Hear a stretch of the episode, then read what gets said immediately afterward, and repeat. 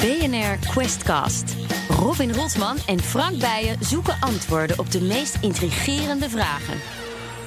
Hoe ver willen we gaan met het sleutelen aan menselijk DNA?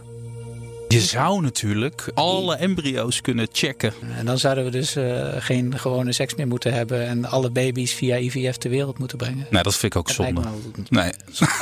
dat vind ik een goed idee. Ja, vandaag mogen we praten over DNA. Leuk, ik ben Robin Rotman en naast me staat Frank van de Quest. Ik ben van BNR. Ja, DNA. De mogelijkheid om te knippen en plakken in ons DNA levert de mooiste ronkende beloftes op. Erfelijke ziektes gaan we uitbannen. Sommige kankersoorten behoren straks tot het verleden. Infectieziektes. En we kunnen straks misschien wel 200 jaar oud worden. Het zijn echt wonderen. Maar ja, als we zoveel controle krijgen over ons DNA, lijkt dat wel heel veel op baby's designen. En daar zijn we altijd een beetje bang voor, toch, eh, Frank? Hoe ver willen we eigenlijk gaan met het sleutelen aan ons DNA? Ja, onze gasten beschikken allebei over een prachtig genenpakketje. Niels Gijzen, hoogleraar regeneratieve geneeskunde aan de Universiteit Utrecht en onderzoeker aan het Hubrecht Instituut. En Annelien Bredenoord, hoogleraar ethiek van biomedische innovatie aan de Universiteit Utrecht en het UMC Utrecht. Welkom allebei. Ja, de Chinese arts. Hè? Ik weet niet hoe je dat uitspreekt, maar hè, zeggen we maar gewoon. Heeft twee baby's dusdanig genetisch gemanipuleerd dat ze geen aids kunnen krijgen. Hij legt het zelf even uit. when Lulu and lung was just a single cell. This surgery removed the doorway through which HIV entered to infect people. Deze twee kleine kindjes kunnen dus geen HIV krijgen. De hele wereld viel over deze man heen. Zijn universiteit heeft hem ontslagen. Maar als mensen op deze manier geen aids meer kunnen krijgen, is dat toch eigenlijk hartstikke mooi, Niels? Nou, ik denk dat er allerlei andere prachtige manieren zijn om te zorgen dat je geen aids krijgt. Condooms bijvoorbeeld. Eh, en, en dit soort drastische maatregelen van het, het, eh, het aanpassen van het genoom. Ja, is in, in, in- deze zin ook niet nodig. En eh, bovendien is het veel te vroeg om, om dit soort technologieën op, op, op dit niveau en op deze schaal toe te gaan passen. Eh, waar heb je dan het meeste bezwaar tegen? Dat de, de technologie nog niet, misschien niet genoeg eh, uitontwikkeld is en nu al zo wordt toegepast? Of meer het principe eh, dat we op deze manier de ziekte aids willen bestrijden? Eh, ik denk eh, met name het eerste. Het, het, is echt op dit moment nog veel te vroeg om deze technologie eh, toe te passen. En ik denk ook wel dat, kijk, als je dan uiteindelijk besluit om het toe te gaan passen. Je denkt van nou, het is veilig genoeg en we hebben alle tests gedaan. Zeg over een, nog eens 10, 20 jaar. Dan moet je ook afvragen of, of deze toepassing eh, om, om aids te, te voorkomen, zeggen, is dat nou de manier om dat te doen? Ehm, ook omdat je niet moet vergeten dat eh, die genetische aanpassing die, die je doet, heeft ook andere consequenties. Het is niet alleen maar positief. Dat gen wat wordt uitgeschakeld, of wat, wat meneer He de, de deur voor aids eh, noemt, eh, dat heeft ook allerlei functies in de cel. Dat is er niet voor niks. En dat schakel je ook uit. Maar zou het bijvoorbeeld kunnen dat deze meisjes eh, ook misschien eh, gevoeliger worden om eh, schizofrenie te ontwikkelen zonder dat we dat nu weten? Ja, dat weet je niet. Eh, in, zekere zin is dat nog redelijk onbekend wat, wat de gevolgen daarvoor zouden zijn bij, bij, bij mensen. Dus iedere aanpassing kan ook bijwerkingen hebben die je niet wil en misschien niet kunt voorspellen. En daar moet je wel een goede afweging in maken. En ik denk dan, wat dan heel belangrijk wordt, is wat willen we uiteindelijk bereiken? Welk doel eh, willen we bereiken? En zijn er alternatieven om datzelfde doel te bereiken? En in het geval van het voorkomen van aids, denk ik dat er voldoende alternatieven zijn om te zeggen van nou, is, dan is dit misschien niet de manier. Annelien, jij als ethicus, hoe kijk jij hiernaar? Ik ben een, groot voorstander voor het verder ontwikkelen van deze nieuwe genetische technologie. Maar de manier waarop deze Chinese wetenschapper dat gedaan heeft, eh, dat vind ik echt ronduit onethisch om op, deze manier dat te doen. Maar wat is dan precies de manier waar jij op tegen bent? Wat... Nou, wat, wat hij gedaan er is eigenlijk sinds deze techniek internationaal eh, bekend geworden is, hè, vanaf ongeveer 2015, eh, zie je dat er een grote internationale discussie geweest is. Er zijn eh, congressen, ethici, beleidsmaker, patiënten, wetenschappers, hè, zoals Niels. Mensen komen bij elkaar om met elkaar te praten over hoe willen we deze techniek ontwikkelen en verantwoord vormgeven. En is daar internationale richtlijnen voor nodig? En wat voor een ethische toetsing? Hè? Dus eh, we zijn echt met elkaar aan het praten van hoe gaan we dit doen? En een- ook een deel van de mensen wil je dit überhaupt wel doen? En terwijl dit gesprek eigenlijk in volle gang eh, gevoerd wordt... en ook op landelijk niveau wordt er gekeken... moet er wetgeving aangepast worden... gaat hij eigenlijk in zijn eentje, zonder dat überhaupt zijn universiteit dat weet... zonder dat er ethische toetsing is... zonder dat er uitgebreid gepraat wordt met de families die hierbij betrokken zijn... Dat weet je natuurlijk niet, hè? Of de, Nou, kijk, en dat is ook het gekke. De, de, we weten eigenlijk heel weinig. Het is allemaal heel veel horen Wist die zeggen. universiteit nou echt helemaal niks van dit experiment af? Ja, ze zeggen dat ze het niet wisten. En ze zeggen ook dat ze, Geloven we dat? dat, nou, ze zeggen ook dat ze het niet gefinancierd hebben. Dus dat hij echt dit zelf gedaan heeft. Dat hij dit zelf gefinancierd heeft. En eh, eh, ja, hij is inmiddels is die ook. Schijnt dat hij ook uit zijn functie gezet is. Maar ja, dus wat ik echt niet acceptabel vind, is dat iemand denkt: ik ga dit eens even in mijn eentje. Zo'n ingrijpende, toch controversiële techniek verder ontwikkelen. En ik vind het ook ontzettend jammer, omdat dit is nou precies de manier waarop we niet vinden dat je nieuwe techniek moet, eh, moet verder brengen. Niels, kan jij dit? Wat deze man gedaan heeft? Eh, Zou jij het niet kunnen? alle expertise in huis. Maar ik denk daarom ook dat hij het niet per se helemaal in zijn eentje heeft gedaan. Kijk, om gen-editing bij hele vroege embryo's. Hè, dit, dit gaat om, om eigenlijk eh, een, een, het moment dat we allemaal een enkele cel zijn, een bevruchte eicel. En op dat moment zou je deze technologie kunnen toepassen. Uh, om dat te kunnen doen heb je een heel team van mensen nodig. Je hebt artsen nodig, uh, gynaecologen, uh, laboranten. Die, die, het is eigenlijk een soort van IVF-procedure die je dan doet. Die dat kunnen uitvoeren. En je, natuurlijk heb je mensen nodig met ervaring met CRISPR-Cas. En weet, die weten hoe dat werkt. CRISPR-Cas, dat is die knipplak. En dat is dat inderdaad die, die knipplak, die gen-editing methode. Hoe werkt dit nou? Je hebt dus de, de bevruchting. Hè? Hoe dit gegaan is, de reageerbuisbevruchting. En dan? Ja, wel, hoe dat gaat. Heb je een is, cel? Uh, je hebt een, een, een eicel en een, een zaadcel. En tegelijk met het injecteren van die zaadcel injecteer je zeg maar die moleculaire schaar, dat CRISPR-Cas. Waardoor op het moment dat die eicel bevrucht wordt, gaat die moleculaire schaar aan de slag om een heel specifiek gen, uh, in dit geval een gen wat je dus vatbaar maakt voor HIV, om dat weg te knippen. Uh, en daarna gaat, uh, is dat DNA van die eerste cel is aangepast. En het, het, het wonderlijke daarvan is dan dat in de, als die cel gaat delen en dat embryo zich gaat vormen, dan is in iedere cel die uit die eerste cel voortkomt, is diezelfde aanpassing aanwezig. Dus Ja. als, als je die eerste cel maar aanpast, dan pas je Die uiteindelijk gaat het delen en dit deelt gewoon alles steeds mee. Maar jij werkt ook met CRISPR-Cas, maar jij werkt niet zo vroeg in die meteen na de bevruchting. Jij doet dat veel nee. in een veel later stadium. Ons, ons doel uh, het, van ons onderzoek is inderdaad om te kijken hoe kunnen we dat CRISPR-Cas inzetten om uh, patiënten met specifieke genetische ziekten um, uiteindelijk misschien te helpen en, en, mogelijke therapieën te ontwikkelen. Dus dat is veel later als iemand al is geboren en dan patiënt blijkt te zijn. -hmm. Maar hoe werkt het dan? Want dan ga je cellen aanpassen en die veranderen de functies. Of dan gaat die aandoening weg, maar dat is toch alleen maar in die cellen. Of als die cellen weer delen, op, misschien ja. in een bepaald weefsel of zo. Ja, precies. Dus dan ga je het meer specifiek in een bepaald weefsel waar de ziekte zich uh, manifesteert. Probeer je dan zo'n ziekte te remmen door daar in dat weefsel de cellen aan te passen. En uh, het, de, het lastige van dat verhaal is natuurlijk dat je dan veel meer cellen moet aanpassen om, om een effect uh, te krijgen. Maar je hebt wel effect. Maar effect kan bereikt worden, ja. Uh, nog niet uh, op een manier dat het ook klinisch toepasbaar is. Maar dat is precies het doel van het onderzoek. Om, om, die, om deze technologie verder te ontwikkelen. Om voldoende effect te hebben in voldoende cellen. Om, om, om een therapeutisch uh, relevante methode te hebben. Wauw. Wat je hier ook ziet is dat de, de, ja, de vorm van ja, gentherapie, waar bijvoorbeeld Niels uh, aan werkt, daar heb je natuurlijk wel wat ethische vraagstukken rondom. Hè, hoe mag je dit voor het eerst bij mensen testen? Maar de echt explosieve discussie gaat toch vooral over het gebruik van die techniek van CRISPR-Cas bij, uh, bij menselijke embryo's in het lab. Daar is echt die grote internationale ja. discussie eigenlijk aan de gang. Maar deze aandoeningen waar jij dan aan werkt, hè, welke zijn dat?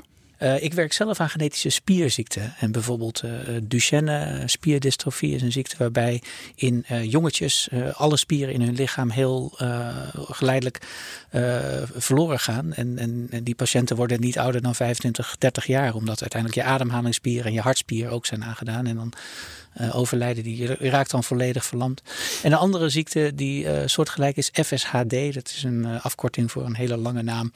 waarbij gelaatspieren zeg maar worden aangedaan. En, en, deze patiënten hebben steeds meer moeite om, om hun gezichtsuitdrukkingen zeg maar tot, tot uitdrukking te brengen. En jij bent nu nog in de onderzoeksfase begrijp ik hè? En bij Duchenne bijvoorbeeld. Hè? Wat voor potentie heb jij te bieden voor deze mensen? Oeh, dat is nog heel lastig te zeggen. Een van de grote uitdagingen bij Duchenne is dat je hebt zo ontzettend veel spierweefsel in je lichaam. Uh, bij een, een, een, jong kind is zo'n 20% van het lichaamsgewicht is spier. En bij volwassenen is dat zo'n 40%. Uh, dat betekent dat je echt heel verschrikkelijk veel cellen zou moeten behandelen. succesvol wil je een effectieve behandeling hebben.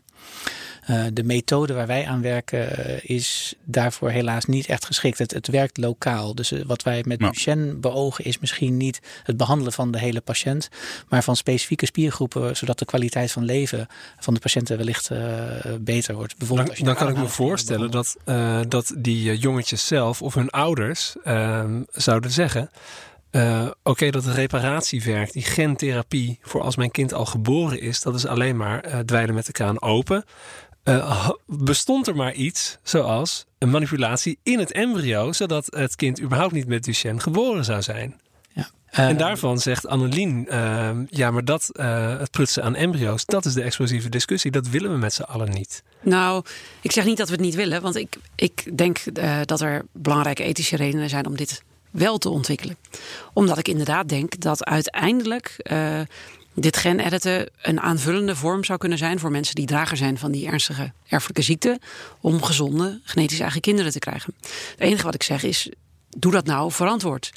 Ga niet te snel ermee. Uh, zorg dat je, je je ethische richtlijnen op orde hebt. Maar uiteindelijk ben ik een groot voorstander om dit ook uh, uh, bij embryo's toe te passen en te ontwikkelen. Maar ja, dan moet je wel uh, gewoon realistisch zijn dat er op dit moment embryoselectie is hè, voor mensen. Dat is een andere manier om, om kinderen te krijgen. Dat is de manier waarop we borstkanker kunnen uitfilteren eigenlijk, hè? Ja, en ook... bij IVF, toch? Hoe ja. zit dat nou precies? Ja, dus de, wat, door middel van, van IVF worden er verschillende embryo's gemaakt... Um, en dan worden de embryo's genetisch onderzocht. En dan wordt er gekeken, is bijvoorbeeld het borstkankergen aanwezig? Of is uh, de, de, uh, het gen voor Duchenne, of de genen uh, voor Duchenne zullen vast verschillende zijn.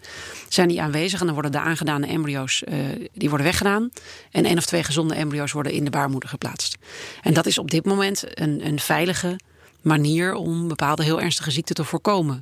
Dus als je op zich een veilige manier hebt voor mensen en uh, er wordt tegelijkertijd een andere techniek, zoals dit uh, gen, uh, gen-edit ontwikkeld.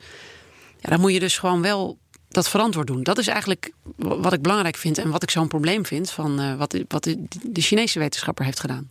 Maar in principe denk ik hè, wat, dat een voortplantingstechniek ontwikkelen om mensen ja, eigenlijk te ontdoen aan, aan, aan heel lastige ziekten, ja, dat, dat kan ik alleen maar steunen. Dus daarmee, daarmee zet je wel de, de deur open eigenlijk voor nou ja, allerlei vormen van, uh, van eh, selectie. Uh, je kunt een hele lange lijst van ernstige ziektes gaan, uh, gaan opstellen waarmee we het allemaal erover eens zijn. Oké, deze kunnen we eruit filteren misschien. Deze kunnen we eruit selecteren. Ja, maar het, het, het, het, punt wat Annelien aandraagt is, dat kunnen we al. Hè? Hm. Je hebt daar geen CRISPR-Cas voor nodig. En ik denk dat dat voor mij een van de belangrijke argumenten is waarom het gewoon niet nodig is om nu al door te stomen in, in die richting. Op het moment dat uh, een ouderpaar weet dat één of beide van de ouders drager is voor een bepaalde ziekte, dan is het nu al zo dat je met die kennis ga je naar een, uh, een, een, een, een, kliniek waarbij middels IVF verschillende embryo's worden gemaakt en alleen de embryo's die niet zijn aangedaan worden dan teruggeplaatst. Dus daarmee kun je voorkomen dat de ziekte die je zelf meedraagt wordt doorgegeven aan, aan je kind. Dat werkt heel goed. Uh, dat is 100% effectief. Ja, maar dat werkt, dat werkt goed. Sorry dat je onderbreek hoor. Als je ouders wil worden van een kind en je kan dus zien of je iets kan doorgeven. Maar je hebt ook natuurlijk heel vaak uh, dat het probleem pas ontstaat bij uh, het kind zelf. Ja, dat ouders geen drager zijn. In dat geval kun je met CRISPR-Cas ook niks. Want nee? op het moment dat je niet weet dat er een genetisch probleem is, dan zie je het dus pas als het kind geboren wordt. En dan kun je dus nooit meer van tevoren. Je zou natuurlijk uh, alle embryo's kunnen checken en eh, dan zouden we dus uh, geen gewone seks meer moeten hebben en alle baby's via IVF ter wereld moeten brengen. Nee, dat vind ik ook zonde. Nee, dat vind ik zo'n idee. Nee, nou, nee. Dat, dit wordt wel in de, in de, in de ethische discussie, hè, wordt het ja. wel eens natuurlijk uitgesproken dat mensen bang zijn voor een hellend vlak naar, nou jij noemde het net al, de designer uh, baby's. Maar ja, mensen vergeten dan het nogal uh, het praktische bezwaar dat je dan geen kinderen meer thuis in de slaapkamer moet maken. Maar dat mensen massaal naar IVF-klinieken moeten gaan om kinderen te krijgen. En ik geloof echt niet dat dat zo'n vaart gaat lopen. Vooral omdat natuurlijk het allergrootste deel van de kinderen die geboren wordt gewoon gezond is. Nou, Frank, heb je Ja. al een idee? Nou ja, ik eh, eh, vind het eigenlijk wel opvallend dat we al een heleboel doen aan eh, genetische, niet zozeer genetische manipulatie, maar genetische selectie. We zijn niet aan eh, het knippen en plakken, maar we zijn wel onze genen aan het beïnvloeden, echt actief. We zijn niet aan het knippen en plakken, maar we gooien wel af en toe een, eh, een embryo, eh, als ik het respectloos mag zeggen, in de prullenbak. Ja. En Ja. eh, nee, maar dat. eh, Maar dat is, dat, dat is dus ook een reden, eh, dat zou een extra argument voor, dat, eh, voor CRISPR-Cas zijn. Omdat je zou kunnen zeggen dat het wat eleganter is om één of twee embryo's te maken. En eh, nou, een hele vroege vorm van, van gentherapie daarop toe te passen. Dan embryo's te maken en weg te gooien. Kijk, en dan hangt het weer en dan krijg je de discussie over Ja. eh, hoe beschermwaardig is dan zo'n embryo in het lab. Maar eh, ja, ik kan me voorstellen dat mensen zeggen: ja, om nou allemaal embryo's te maken en weg te gooien. Daar voel ik me niet zo goed bij. Ik heb liever eigenlijk dat je, dat je het corrigeert. En dat vind ik een invoelbaar argument. Jij ook, Niels? Ergens wel. Alleen ik denk dat de, in ieder geval met de huidige stand van zaken van de technologie, dat de, de mogelijke problemen die je introduceert door het gebruik van CRISPR-Cas in zo'n vroeg stadium eh, niet opwegen tegen de, de, ja, de, de veiligheid van de, de technologie die er nu is. Je zegt op dit moment weten we gewoon nog te weinig over de eventuele risico's. oh, Wat Ja. je nog. Als het Ja. over tien jaar eh, gebleken veilig en effectief is. Ja, er is ook nog een, een, eh, een maatschappelijke issue. Dat in dat geval je dus eh, eigenlijk een nieuwe soort van genetische mutatie, namelijk een gerepareerd gen, Mhm. eh, in, in de populatie introduceert. Ah. Dus je doet iets waarvan je niet. En, en, die, en die persoon die dan later zelf weer kinderen gaat krijgen, gaat ook zo'n mutatie weer doordragen naar de volgende generatie. Dus Maar dat kun je eigenlijk niet van tevoren goed onderzoeken. Anders dan dat je dat gewoon moet doen om te kijken wat er gebeurt, toch? Dat, dat valt ja, op bijna. in principe wel, ja. Moet je generaties apen. Bijvoorbeeld, dan zou het op apen kennen. Dan moet je generatie ja, op dan generatie. ook eh, 100 jaar wachten en voordat die je hebben ook weer andere genen dan wij voor een groot deel. Of voor een bepaald deel. Maar dat is, Eh, ja, dat dat is een ander argument om te zeggen van nou is dat nou wel nodig en is, is een simpele selectie niet eh, eh, makkelijker. Maar, Maar daar moet je een balans in vinden, want dat geldt voor elke medische innovatie. Ja. Dat je natuurlijk uiteindelijk kun je in het laboratorium onderzoek doen. Je zou eventueel met proefdieren, daar is natuurlijk ook een hele ethische discussie over te voeren, kan je onderzoek doen. Maar uiteindelijk, ja, de proof of the pudding is in the eating. Op een gegeven moment zul je moeten zeggen, wij willen weten wat dit doet bij mensen, bij patiënten. En eh, ja, daar- volgens mij moet je daar een soort ja, balans in vinden tussen niet overmoedig. Maar als je altijd maar blijft wachten, dan hebben we nooit een innovatie. laten we even kijken. We hebben wat stellingen. Want in dit soort hele genuanceerde gesprekken eh, moeten we af en toe ook gewoon even ja en nee zeggen. Dus Frank, Ja, het eh, idee is heel eenvoudig. Ik leg jullie stellingen voor aan eh, Niels Gijzen, die zelf werkt met CRISPR-Cas en medisch ethicus Annelien Bredenoord. Jullie zijn het eens of oneens. Toelichten mag, maar achteraf. Stelling 1. De nieuwe knip- en plaktechniek CRISPR-Cas maakt genetische manipulatie zo makkelijk dat ethische discussies de werkelijkheid niet meer kunnen bijbenen. Niels? Niet mee eens. Annelien? Oneens. Er komt een tijd dat sleutelen aan DNA om ziektes te voorkomen net zo normaal wordt als vaccineren nu. Niels? Mee eens. Eens. Als we dementie, in de toekomst doodsoorzaak nummer 1, al in de embryonale fase op een veilige manier eruit kunnen slopen, dan zouden we dat natuurlijk gewoon doen. Oeh, die nuance. Ehm, misschien mee eens. Als mensen dat zelf willen, eens. Zo, wacht. Dus er komt een tijd dat sleutelen aan het DNA van de mens om ziektes te voorkomen net zo normaal wordt als vaccineren nu is. Dus er zijn wel wat tegenstanders, maar eigenlijk, dat vind ik nogal wat, Niels. Toch? Weet je? Ja, Ehm, we gaan gewoon eh, aan het DNA sleutelen zoals we nu alle kindjes eh, vaccineren. Dat vind ik nogal wat. Ja, maar in feite is, is DNO, eh, is vaccinatie ook een, een soort van humane verbetering. Hè? Je weert je tegen ziekten van buitenaf waarop, waarvoor je anders vatbaar zou zijn. Het is een soort van aanpassing van onszelf als mensen. Het verbeteren van onszelf in feite. Alleen op een manier die niet aan je DNA eh, Mhm. sleutelt, maar gewoon aan, aan je, hoe je cellen in elkaar zitten en Ja. welke cellen je bijdraagt. Nou ja, welke mensen- aandoeningen komen dan in, in aanmerking? Nou, dus, er zijn natuurlijk heel veel verschillende ziekten die veroorzaakt worden door fouten in het DNA, die ook verschrikkelijk ernstig en akelig zijn. Ik denk dat het ook onethisch zou zijn om, om te zeggen van we hebben hier een prachtige technologie. Daar zouden we patiënten mee kunnen helpen. Maar dat gaan we niet doen, want het is sleutelen aan DNA. Dat, dat, dat, voor mij eh, is dat niet iets- een logische keuze. Maar, zijn, welke ziektes of syndromen of zo? Wat zou je nou het allerliefst willen uitbannen via genetische manipulatie? Nou, via genetische manipulatie kunnen we denk ik misschien al wel binnenkort heel veel dingen. eh, specifieke kankers. En je kunt niet zeggen kanker. Even voor iedereen die dit hoort. Kanker is niet één ziekte, maar dat zijn een combinatie van duizenden verschillende ziekten. En sommige van die kankers kunnen door het genetisch aanpassen van onze immuuncellen bijvoorbeeld eh, eh, worden verholpen doordat onze immuuncellen worden getriggerd om de kanker aan te vallen. En welke types zijn dat? Bijvoorbeeld, eh, er wordt vrij veel vooruitgang geboekt in de, bij bijvoorbeeld melanoma, een, een spe- specia- specifieke vorm van huidkanker, die tot een paar jaar geleden eigenlijk een doodvonnis was. En waarbij nu immuuntherapie eh, heel effectief eh, lijkt te zijn. En wat staat bovenaan? ik wil het eigenlijk van jullie alle twee weten. Wat staat echt bovenaan jullie verlanglijst als je iets kan uitbannen? Een ziekte, syndroom. Nou, ik zou zelf dan ook nog wel een onderscheid maken tussen de, de westerse wereld en, eh, en ontwikkelingslanden. De, want in de ontwikkelingslanden gaan mensen, vooral kinderen, vroegtijdig dood aan, aan eh, malaria en infectieziekten, waar je hier al lang niet meer aan dood hoeft te gaan. Dus ik zou zeggen, vergeet ook vooral niet daar onderzoek naar te doen.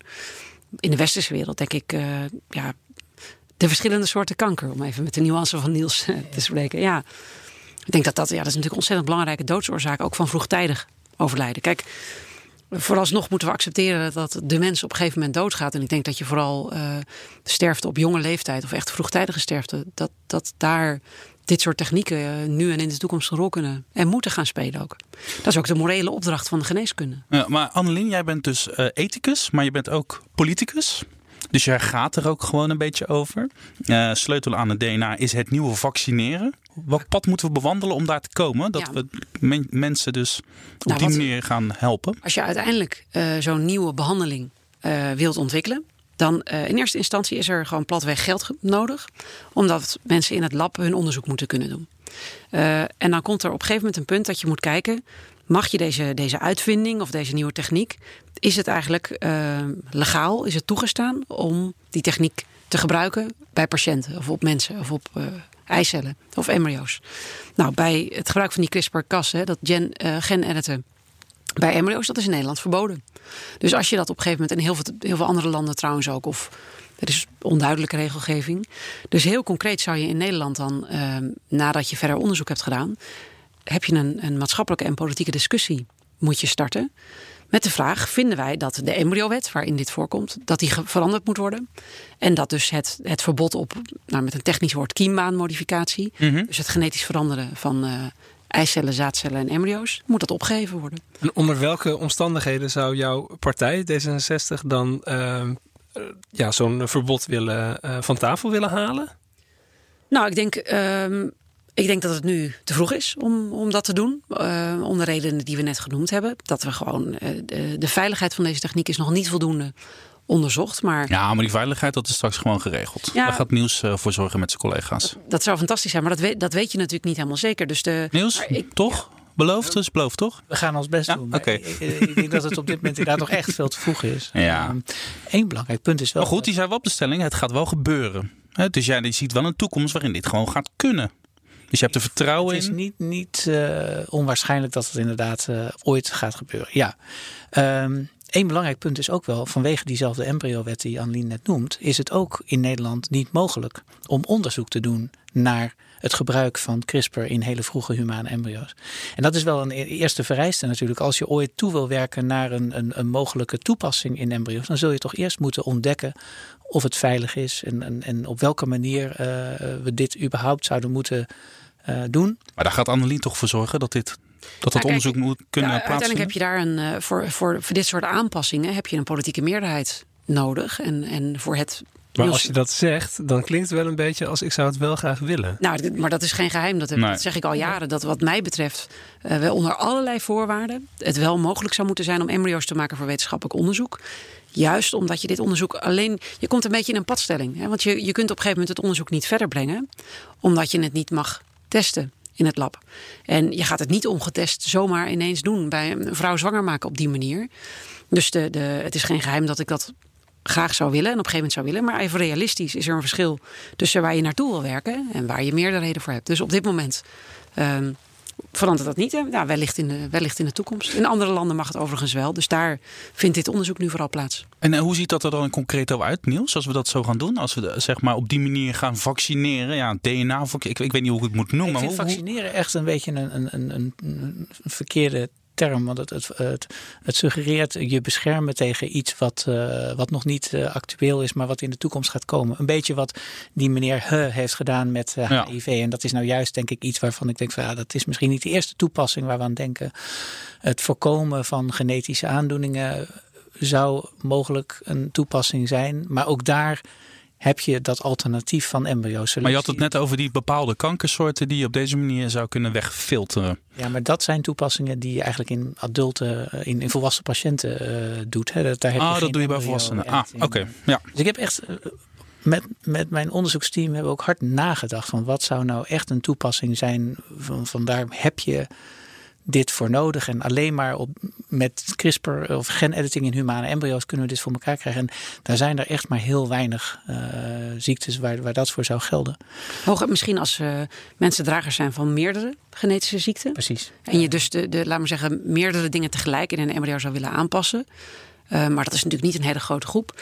Maar toch maakt het niet uit als het natuurlijk om niet een hele grote groep gaat. Is het toch natuurlijk belangrijk om te kijken van zijn er voldoende behandelingen voor deze mensen. Ja, nou, dat is waar. Dus daar zou inderdaad die toepassing misschien kunnen liggen. We weten steeds meer over ons DNA. Je kan tegenwoordig een beetje wang, wangslijmvlies in een envelop naar een laboratorium sturen. En dan krijg je volgens mij een uitdraaien met alle risico's die jij gaat lopen in, in, in een verdere toekomst. Eh, dus dat wordt steeds goedkoper en steeds makkelijker. Gaan we in, in de toekomst eh, als een jongetje en een meisje elkaar ontmoeten en, eh, en misschien ooit een kindje willen maken, gaan ze dan hun erfelijke materiaal of hun DNA naast elkaar leggen om te kijken of dat wel lekker matcht? Is dat een toekomst waarvan we denken, wel, zou makkelijk kunnen? Nou, de toekomst is hier nu al. Want dit, dit, hè, dit eh, op preconceptietesten wordt nu al aangeboden, onder andere in Groningen, eh, in Amsterdam. Kijk eens aan. En eh, dat gaat nog om een beperkt groepje eh, genen. Maar dat, dat kunnen mensen al doen. Dus ik denk niet zozeer dus dat je dan in het lab IVF gaat doen. Maar meer een soort testen voordat mensen überhaupt nadenken over een kind krijgen. Kan er getest worden. En dat gebeurt al. Ik zie een En, hele interessante uitbreiding voor Tinder. Nou, Hoe goed eh, dat je, ben je een match, ja of nee? En dat je je, je, soort, eh, je genetisch profiel ook... eh, Ja, dan hoef je niet meer te swipen. Maar dan zoekt Tinder voor jou gewoon de beste match. Ja, en dan, en dan, en dan ben je hartstikke verliefd. Dan eh, wil je, heb je een, samen een huis gekocht. En dan eh, denk je van nou, wij, wij willen gewoon een baby maken. En dan blijkt uit die match dat het misschien, misschien ook niet, maar dat het misschien niet zo handig is. En dan? Nou ja, uitmaken hè. Meteen, maar dat, dat, dat, is nu al. dat is nu al aan de hand, precies. Dat is Oh. psychologisch moeilijk. Ben, Maar- ben ik dan zo na, naïef dat ik dat dan allemaal... Nou, maar dit, dit is echt al aan de orde van de dag. En dat is dan psychologisch heel moeilijk voor mensen. Maar heel veel mensen weten, hebben het lief, horen het liever eerder. Zodat ze eventueel wat kunnen doen of bewust met elkaar kunnen kiezen. Het maakt ons niet uit. We nemen dat risico en we houden van elke baby die eruit komt. Ja, weet je, de, de, Maar eh, eh, in de praktijk, ik heb er in mijn omgeving nog helemaal niet van gehoord dat mensen dit doen. Doen alleen dragers van hele nare ziekten dit? Of eh, eh, Nee, zijn, zijn er gewoon heel veel mensen die bijvoorbeeld, dit, mensen duizenden mensen die dit doen? Mensen die, die een aantal keren een miskraam hebben ondergaan, die worden op een gegeven moment genetisch gescreend om te kijken van is er een reden waarom dit niet lukt. Eh, en op, op dat moment is wel je genetische plaatje duidelijk. En dan komen dit soort dingen wel naar boven. Van, eh, Maar dit bestaat dus wel in eh, medische zin, maar nog niet echt in commerciële zin. eh. Nee, niet commercieel. Je- Je kunt wel je wangslijmvlies, eh, wat, wat eh, Robin zei, eh, opsturen en, en laten checken. Maar het is niet zo dat dat dan ook op een professionele eh, manier wordt gematcht. En, en dat je daar conclusies uit moet trekken. Wat vind jij is ook veel Frank? Het wordt er allemaal niet romantischer op zo hè? Eh, nou ja, nou, ik ben blij dat het bij mij wat natuurlijker is gegaan, eerlijk gezegd.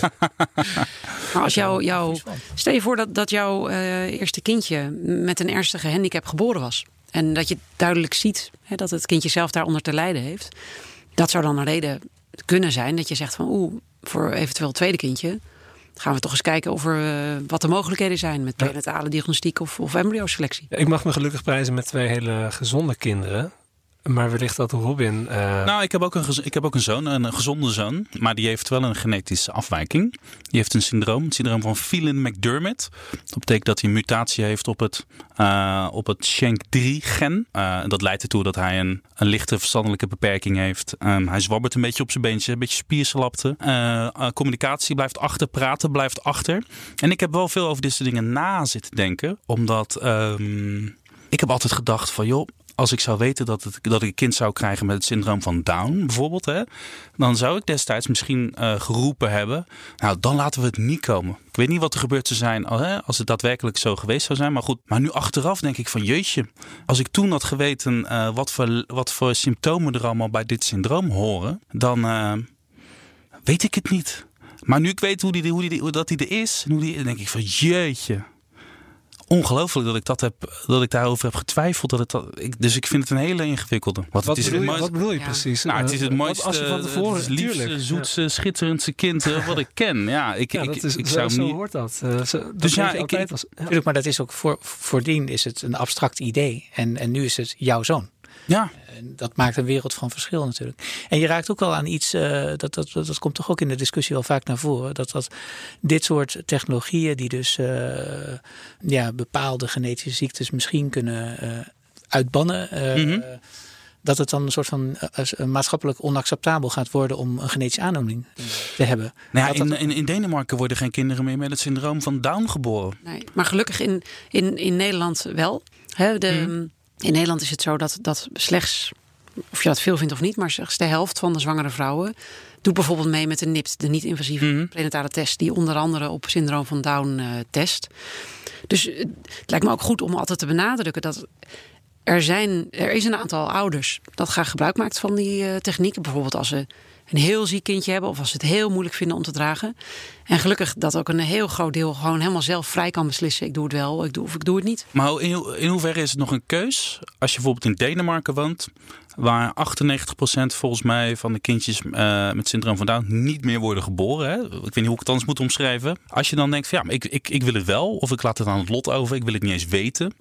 Ja, dan, uh, zijn er, dan zijn er geen scholen misschien meer waar die kinderen heen kunnen gaan. De kinderopvang is niet meer aangepast. Dus eigenlijk eigenlijk kan het dan al bijna niet meer, toch? Ja, dan wordt het, dan wordt het heel ingewikkeld. En dat vind ik, dat zie ik als. Dat is toch ook wel een beetje dat. Gaat, nou, maar dat zie ik als een serieus op de kosten van de keuzevrijheid dan. Ja. Toch wel. Ja, en of dat dan uiteindelijk een reden. Kijk, ja, daar ben ik het mee eens. Dat vind ik geen reden om die techniek dan niet toch aan te bieden. Want als mensen dus in meerderheid zeggen we maken er gebruik van. Dan denk ik dat je dat moet aanbieden. Maar dat is dus een taak van de overheid, denk ik. Om heel goed in de gaten te houden. Dat je dus wel, ook al komt het maar weinig voor dat je zorgt dat je je zorgaanbiedingen, de scholen, dat dat echt ook voor alle kinderen aangepast is. En daar zul je een soort van alert op moeten blijven. En niet alleen de overheid, ook mensen onderling. Het zijn ook uh, ouders zelf of zwangeren zelf die elkaar misschien wel aanspreken van... Huh, heb je niet meegedaan aan die test? Ja, ja. Of waarom heb je dat laten gebeuren? Nou, ik zou zeggen, daar kunnen wij allemaal individueel ook een rol spelen. Ja. Frank heeft niet alleen stellingen, maar hij zit ook af en toe wel eens te spitten. Jazeker. Jesse Gelsinger, dat uh, was 20 jaar geleden een grote martelaar van de gentherapie. Een Amerikaanse jongen van 18, die kreeg uh, 40 biljoen deeltjes... van het onschuldige adenovirus toegediend in een bloedvat bij zijn lies. En de bedoeling was dat hij met dat aangepaste virus een gen binnen zou krijgen dat de stofwisselingsziekte waar hij aan leed zou genezen. Maar Gelsinger ging dood aan de therapie. achteraf uh, weten we, ja, die dosis die was eigenlijk veel te hoog. Experimenteren is nou eenmaal riskant. Maar goed, dat was zijn stofwisselingsziekte ook. Maar dit is toch op zich wel uh, uh, de aanpak van een virus in het lijf. Om, om op die manier alle cellen te bereiken om een bepaalde genetische aanpassing door te voeren. Dat is op zich niet een gekke gedachte, toch? Nee, en dat, uh, en dat is dat een retro, hoe noem je dat nou? De manier waarop uh, gentherapie uh, op dit moment ook wordt gedaan. Dit, deze casus van die Jesse heeft ertoe geleid dat dat onderzoeksveld, gentherapie, eigenlijk tien jaar lang een beetje besmet gebied was. En dat hoewel er fantastische mogelijkheden zijn uh, op het gebied van het behandelen van genetische ziekten uh, met die technologie. Dat, het is een voorbeeld van dit was gewoon te vroeg. Uh, ja. Te snel naar de kliniek gerend en, en toen is er iets gruwelijk misgegaan. Want die Jesse Kelsinger die had weliswaar een stofwisselingsziekte, maar daar ging hij op principe niet dood aan, daar was mee te leven. En het is helemaal misgegaan, waardoor ineens iedereen zei van oeh, gentherapie, oeh, dat is heel gevaarlijk, dat moeten we niet doen. En voor, voor jarenlang is er gewoon nauwelijks onderzoek gedaan. Maar dan hebben we dus eh, vanwege die ene dode een heel veelbelovend veld ontzettend lang uh, bijna stilgelegd. Wat misschien wel veel meer doden heeft gekost. Uiteindelijk wellicht wel, ja. Want nu, die technologie is wel door een aantal laboratoria in de wereld verder ontwikkeld. Uh, en uiteindelijk, uh, nu is, is met een iets ander virus, is gentherapie wel degelijk uh, een, een, een, mogelijkheid. En, en wordt ook klinisch ingezet om bepaalde ziekten te verhelpen. Gelukkig maar. Jouw gespit heeft ook nog een kind met drie biologische ouders opgeleverd. Ja hoor, technisch geen enkel probleem. In 2016 werd een jongetje geboren met DNA van drie ouders. De Jordaanse moeder die had eerder al twee kinderen gekregen. Die waren jong uh, gestorven aan het syndroom van Lee, dat door haar zelf was doorgegeven. Uh, daarom plaatste een Amerikaanse arts die in Mexico werkte een deel van haar DNA in een donoreicel. En die werd bevrucht met zaad van de vader. Resultaat: een gezond jongetje. Nou, dat is weer, weer een voorbeeld van, uh, van een goede techniek, maar verkeerd uh, uitgevoerd. He, de, de, ah, het is wel gelukt, toch? Het is wel gelukt, inderdaad, maar meer verkeerd in de zin van uh, dit, deze techniek kan helpen om mensen die drager zijn van mitochondrieel DNA-ziekte. Mm -hmm. Dat is eigenlijk een heel scala en heel ernstige ziekte, waaronder ook stofwisselingsziekte, om dat te voorkomen. Maar dat moet je ethisch verantwoord doen, want het is ingrijpen in het DNA. Volgens mij werkte deze man ook in Mexico, omdat ja. deze techniek in Amerika daarvoor al een keer was ingezet, maar zonder dat de autoriteiten ervan Precies, wisten. en dat is toen stilgezet door de Amerikaanse autoriteiten.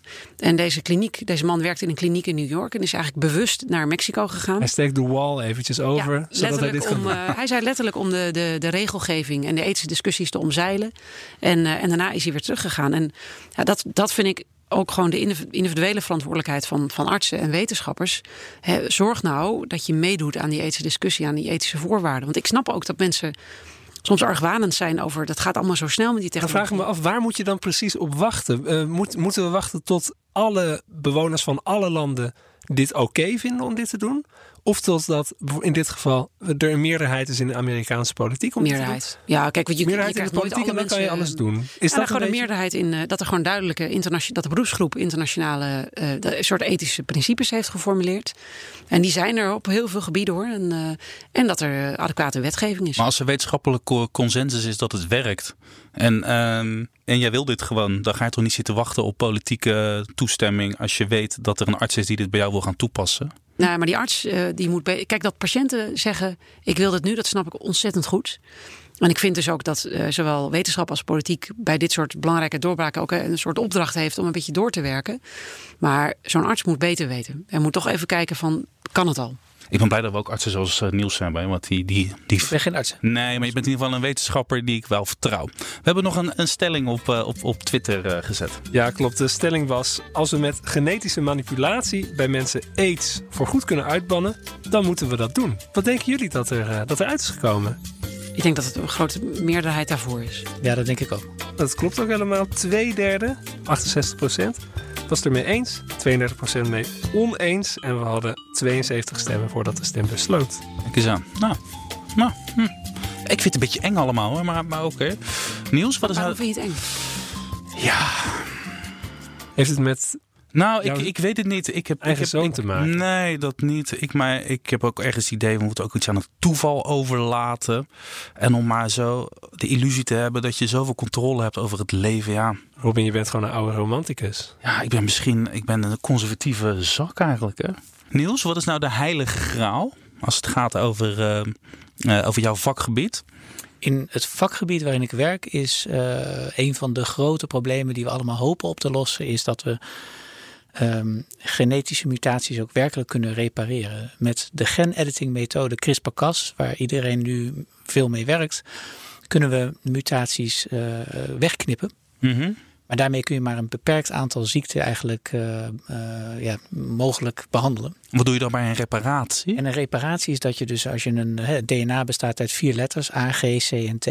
En uh, vaak een mutatie betekent dat bijvoorbeeld een A veranderd is in een C. Mm -hmm. En nu zouden we die C gewoon kunnen wegknippen. En uh, hopelijk lost dat dan het probleem op. Maar wat je eigenlijk veel liever wil, is dat je van die C weer een A maakt.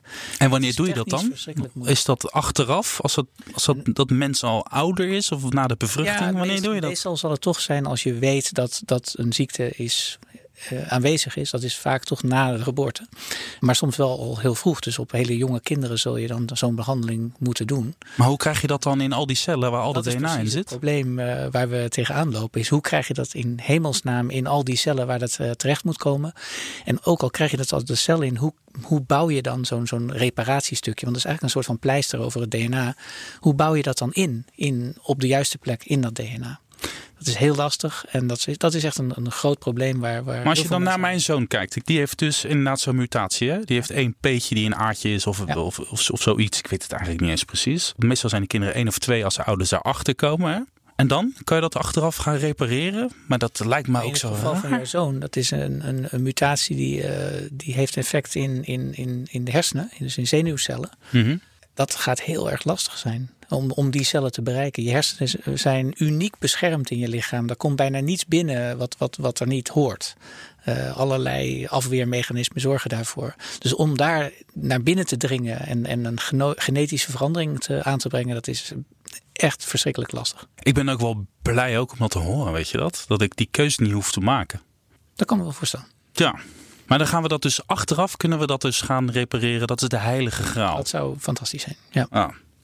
Dat snap ik ook wel, omdat bepaalde ziekten, aandoeningen, handicaps of hoe je het ook noemen wil. Het is natuurlijk ook een onderdeel van wie je bent, van de identiteit van personen. Dus de, de, ik kan me ook heel goed voorstellen dat je hebt een beetje de theoretische discussie. Hè? Stel je dat homoseksualiteit dat dat door één gen zou worden veroorzaakt. Zou je dat dan door, door middel van genediting willen veranderen? En er, zijn, Stomheid? er zijn landen waarin ze daar waarschijnlijk wel. Waarin de overheid er misschien wel oren naar zou hebben. Dat weet ik zeker dat dat. eh, en dat, dat is dus ook gevaarlijk. Je wilt natuurlijk dat mensen daar echt zelf vrij over zouden kunnen beslissen. En ook over doofheid. De, de, je hebt hele gemeenschappen van mensen die doof zijn of slecht horen. En die ook gewoon zeggen: ja, dit is gewoon een variatie. En we hebben onze eigen taal en onze manier van communiceren. Je breekt gewoon de dove cultuur af als je daar... eh, Nou, ja. precies. Het is precies. trouwens ook lastig met kinderen. Stel je kind is eh 6, 7, 8. En eh, er kan je als ouder er eh, dan over beslissen. Ja, als het een hele schadelijke ziekte is, dan wil je, weet je natuurlijk zeker dat je kind er ook van af wil. Maar in bepaalde andere gevallen is dat misschien niet zo. Dan zou je dus, hè, dat, dat noemen we dan in de ethiek, eh, recht op een open toekomst. Alles wat je op latere leeftijd het kind zelf kan beslissen, als het 16 of 18 wordt, denk ik dat je met als ouders eh, terughoudend eh, zult moeten zijn. En als we dan nu gaan naar de vraag: eh, hoe ver willen we gaan met sleutelen aan het DNA van de mens? Niels, jij, heb jij, daar heb jij vast wel goed over nagedacht. Is er een grens? Eh, iets waarvan je nu al weet, dat willen we wel, dat willen we niet. Ik denk dat we zeker te zeggen is wat willen we wel. We willen zeker ernstige ziekten aanpakken en behandelingen daarvoor. Wanneer is een ziekte ernstig genoeg om in aanmerking te komen? Eigenlijk op het moment dat de patiënt zegt ik heb hier last van, dan, en, en je hebt een oplossing, dan, dan, dan zou je moeten overwegen of... Ja, wacht eens even. Hier hebben we last van. Eh, ik zag een reactie binnenkomen op de stelling die we online hadden. Aha. Eh, dat was iemand die zei: Ja, natuurlijk moeten we het allemaal toestaan. En als je heel erg eh, eh, bevattelijk bent voor kou en voor warmte, ja, dan zou je dat er ook uit moeten slopen. Het moet wel proportioneel zijn ook. Hè? Dus de, de risico's van de ingreep. Ja, maar dat is nou eh, juist de, vraag, jongens. Patiënt er last hoe ver heeft. willen we gaan? Wanneer is het proportioneel? Het, dat kan je, je kunt daar niet een, een algemene vuistregel voor formuleren. En ik denk, ik denk zelf ook dat er niet op voorhand een morele of biologische grens aan de mens is. Kijk naar een paar honderdduizend jaar geleden. Hè, de, de, en hoe de, de mens zich verder ontwikkelt. En ja, we zetten gereedschap in om onszelf te verbeteren. En dat noemen we dan nu technologie. En ik denk dat, dat, dat, daar, dat je per tijd, per cultuur, dat je met elkaar kunt afspreken wat wij nu grenzen vinden. Maar wat wij nu afspreken, hoeft over 50 jaar echt geen grens meer te zijn. En dat is ook goed, want op deze manier bereik je ook vooruitgang. Dus ik kan niet een uitspraak doen wat de grens is. Op dit moment. Ja, kijk, ik weet alleen dat een grens is dat het nooit dwang mag zijn. Dus dat het mensen altijd zelf moeten kunnen beslissen. Ik wil dit wel of niet. En als we een dusdanige maatschappij krijgen dat iedereen jou aankijkt dat je iets niet doet, ja, dan kan je niet vrij beslissen. Dus dat vind ik ook een grens. Niels? Ja, ik denk inderdaad, kijk, als je met de kennis eh, van de huidige stand van zaken 100 jaar terug zou gaan in de tijd. En je zegt dat hey, binnenkort gaan mensen worden geopereerd om een andere neus te krijgen en een beetje andere kin en zo. Dan zouden mensen aan voorhoofd wijzen en zeggen van ben je nou helemaal mee bezig? Dat is idioot. En nu is, is eh, ja, eh, cosmetische ingrepen zijn gewoon aan de orde van de dag. Dat is heel normaal. Met deze technologie zal dat waarschijnlijk ook zo zijn. Dat eerst worden bepaalde dingen, doel- doelen gekozen die heel erg voor de hand liggen. En waarvan iedereen zegt zegt van dit is een zeer ernstige aandoening, daar moeten we iets mee kunnen. We leren daarmee meer over de technologie, over de bijeffecten, over de veiligheid. En, en, en, en al lerende gaat, gaat dan die toepassing verruimen. En, en zal het wellicht worden ingezet om je warm-koud gevoeligheid aan te pakken. Waarom niet, als het veilig is? Ik ben heel erg nieuwsgierig, Frank. En ik, ik, we zullen het wel zien, toch? Nou, we, in de toekomst eh, gaan we hier zeker meer mee te maken hebben. Ik denk dat onze kleinkinderen later, dat die, uh, uh, nou ja, hier misschien kunnen die wel ziektes uitschakelen. Misschien wordt het een hele lijst van ziektes die je kan uitschakelen. Als uh, Niels die warmte-koude gevoeligheid, daar, uh, uh, ik ken wel mensen die daar ook oren naar zouden hebben. Als Niels en zijn collega's erin slagen om bepaalde kankersoorten uit te bannen, dat onze kleinkinderen daar geen last meer van hebben, dan ben ik daar eigenlijk heel blij mee. Maar ik denk dat, dat Niels dan de grootste prijs van de wereld zou verdienen. En als aan de andere kant, wat ik wel heel lastig vind, dat is precies wat jij zei als je deze mogelijkheden krijgt, dan moet je de hele tijd keuzes maken.